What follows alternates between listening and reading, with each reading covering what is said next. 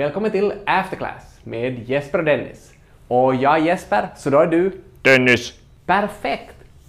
Vad har du läst för nyheter den här veckan då Dennis?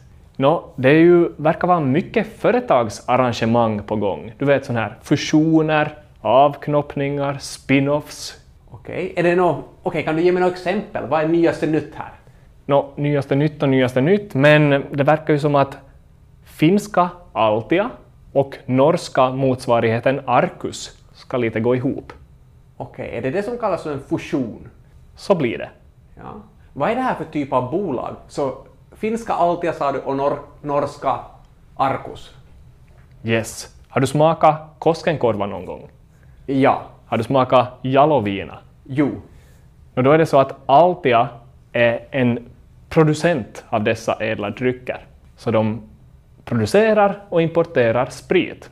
Okej, och vad är det då med Arcus? Har de några kända brands eller kända märken? Det är i princip en norsk motsvarighet. De har märken som Vikingafjord Vodka, Golden Cock, kanske du har hört om, Gammeldansk, Okej. sådana saker. Så det är egentligen två ganska likadana bolag som väljer att gå ihop? Exakt. Altia å sin sida har ju i princip sitt ursprung i att staten från början hade ju väldigt stort monopol på det här med sprit. Sen spjälkte man upp det här monopolet i Alko, där man kan köpa spriten, och sen Altia som producerar spriten. 2018 börslistades Altia, då staten i princip ville sälja statlig egendom. En sak som jag kommer att tänka på när man hör Alko och Altia, det är att man funderar att har staten, är de inte så påhittiga när de kommer på namn? Det måste börja på A. AL. Exakt. Men om vi tänker på den här sammanslagningen, så är det här någonting bra eller är det dåligt, eller varför gör man den här sammanslagningen?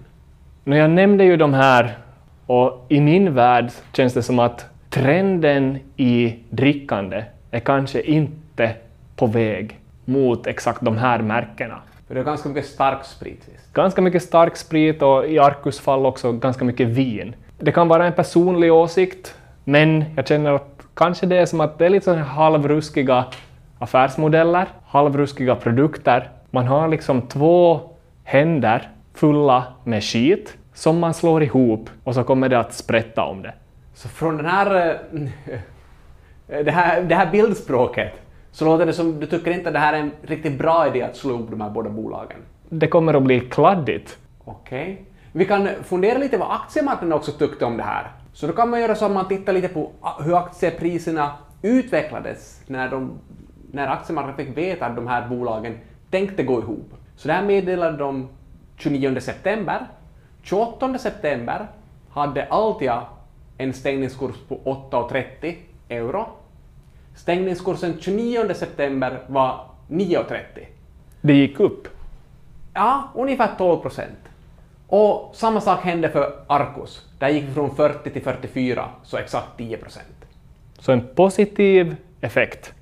Ja, så aktiemarknaden verkar se det här som någonting positivt. I rena pengar då, vad skulle det här betyda?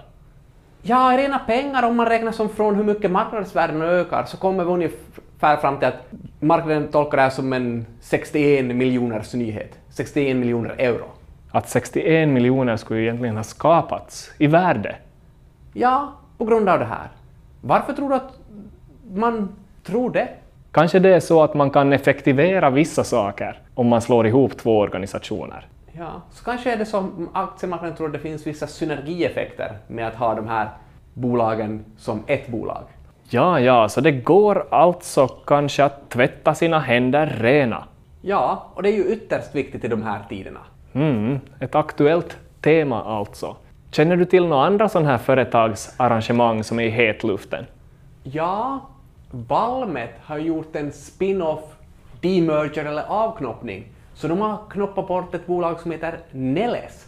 Och det här är ju ett riktigt drama. Kan du ge lite bakgrund? Ja, eller Neles, som det här, den här avknoppningen heter, börslistades första juli i år.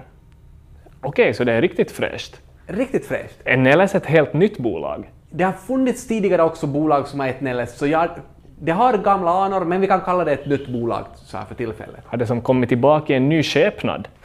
Ja, ja, det skulle man kunna säga. Men grejen är att efter den här avknoppningen så var det väldigt snabbt ett svenskt bolag, Alfa Laval, som visade ett intresse av att köpa upp Neles. Så Alfa Laval gav faktiskt ett bud på hela Neles den 13 juli. Så alltså bara 13 dagar efter att Neles hade börslistats. Så kortare än en coronakarantän. ja, exakt. Och det här budet var på 11,50 per, aktier, per aktie och det betyder att hela Neles då värderades till 1,7 miljarder. Men vänta nu, kan vi spola tillbaka och berätta vad gör Valmet? Alla tre är sådana här verkstadsbolag. Så Valmetneles och Alfa Laval. Det som gör den här historien väldigt intressant är att efter att Alfa Laval gjorde sitt, gav sitt bud på Neles, och det här är ju alltså ett bud som Neles ledning också rekommenderade till aktieägarna, så började Valmet faktiskt köpa tillbaka väldigt, eller köpa väldigt mycket aktier i Neles. För det här var ju inte på det sättet som Valmet hade tänkt det. Utan Valmet hade ju tänkt att Neles skulle bli ett fristående bolag. Så 29 september ägde Valmet 29,5 procent av Neles och då föreslår Valmet till Neles att ska inte vi gå ihop igen? Det där börjar ju likna en sån där historia som du vet i högstadiet, man var ihop med någon och så efter en tid kanske intresset svalna, man gjorde slut. Sen började ens kompis uppvakta det här exet och då kanske man blev lite intresserad igen. Ja, det låter exakt som en sån historia. Och man ska komma ihåg att Valmet och Neles har en ganska lång historia. Vad tror du, ska vi försöka sätta upp ett sånt här litet imaginärt släktträd? Det kan vara ganska svårt, men om vi ska göra det måste vi väl gå tillbaks till kriget. Okej, okay, till kriget? World War II. Finland, Sovjetunionen. Konflikten där slutar väl med ett krigsskadestånd? Ja. Så då bildades det här Valmet 1946 som skulle tillverka olika metallgrejer som skulle skickas österut. Okej, okay, så vad, vad stod då Valmet för i det här sammanhanget? Valtion Metallitehtaat, statens metallverkstäder. Så nu är vi 1946. När kommer Neles in i bilden? Ja, Neles eh, grundades kanske tio år därefter och cirka 99 blev Neles en del av Valmet. Okej, okay, så Valmet och Neles gick ihop 1999. Men gick det här bolaget sen ihop med någonting? Yes. Det här bolaget, som då hette Valmet, gick ihop med en del av det som idag är UPM Kymmene. Och den lilla delen, tillsammans med Valmet, bildade bolaget Metso år 2000. Okej. Okay. Så då är vi år 2000 och nu finns alltså Valmet och Neles i Metso. Vad hände sen? 2013 splittas Metso upp i två delar. Och vet du vad den ena delen kommer att heta? Metso? Metso kvarstår som namn, men den andra delen heter Valmet. Så vi är tillbaka till en situation där vi har både Metso och Valmet? Yes, 2013 efter Kristus. I det här Metso finns ett annat bolag som också skickade leveranser till Sovjetunionen efter kriget. Och det är då en del av den tidens Outokumpu. Och vad var Outokumpu för bolag? Det är typ ett kopparföretag. 2007 kom ett annat bolag ur Outokumpu. Så igen en sån där avknoppning? Yes. Och i detta fall så hette bolaget Autotech.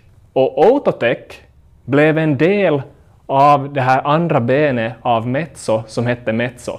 Och när hände det här och vad heter det nya bolaget? 2019 hände det och det nya bolaget heter i princip Metso Autotech. Okej. Okay. Och så om vi då går tillbaka till Valmet, så är det alltså idag då, eller nu i dagarna, i somras valde Valmet att igen avknoppa Neles. Och nu vill man ha det tillbaks igen. ja, det här är ganska råddigt faktiskt.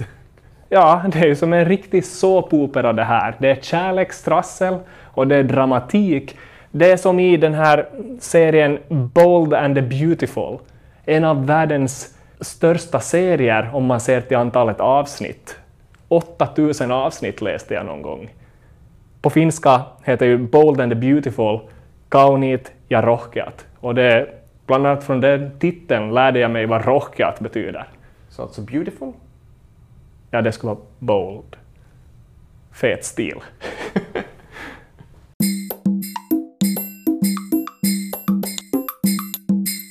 Oj, oj, det här var ett väldigt explosivt ämne.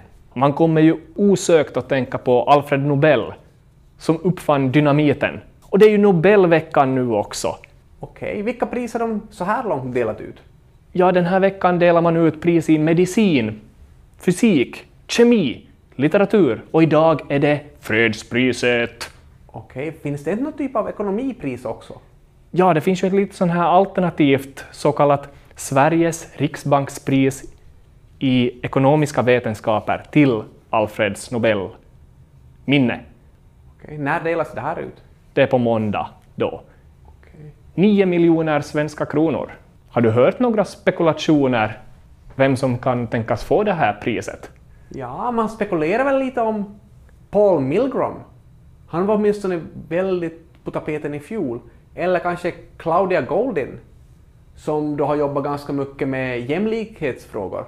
Och sen är det ju en som alltid kommer upp som aldrig får det, men vissa tycker ju alltid att Warren Buffett borde få det. Har du några favoriter? Robert Barrow har jag hört om.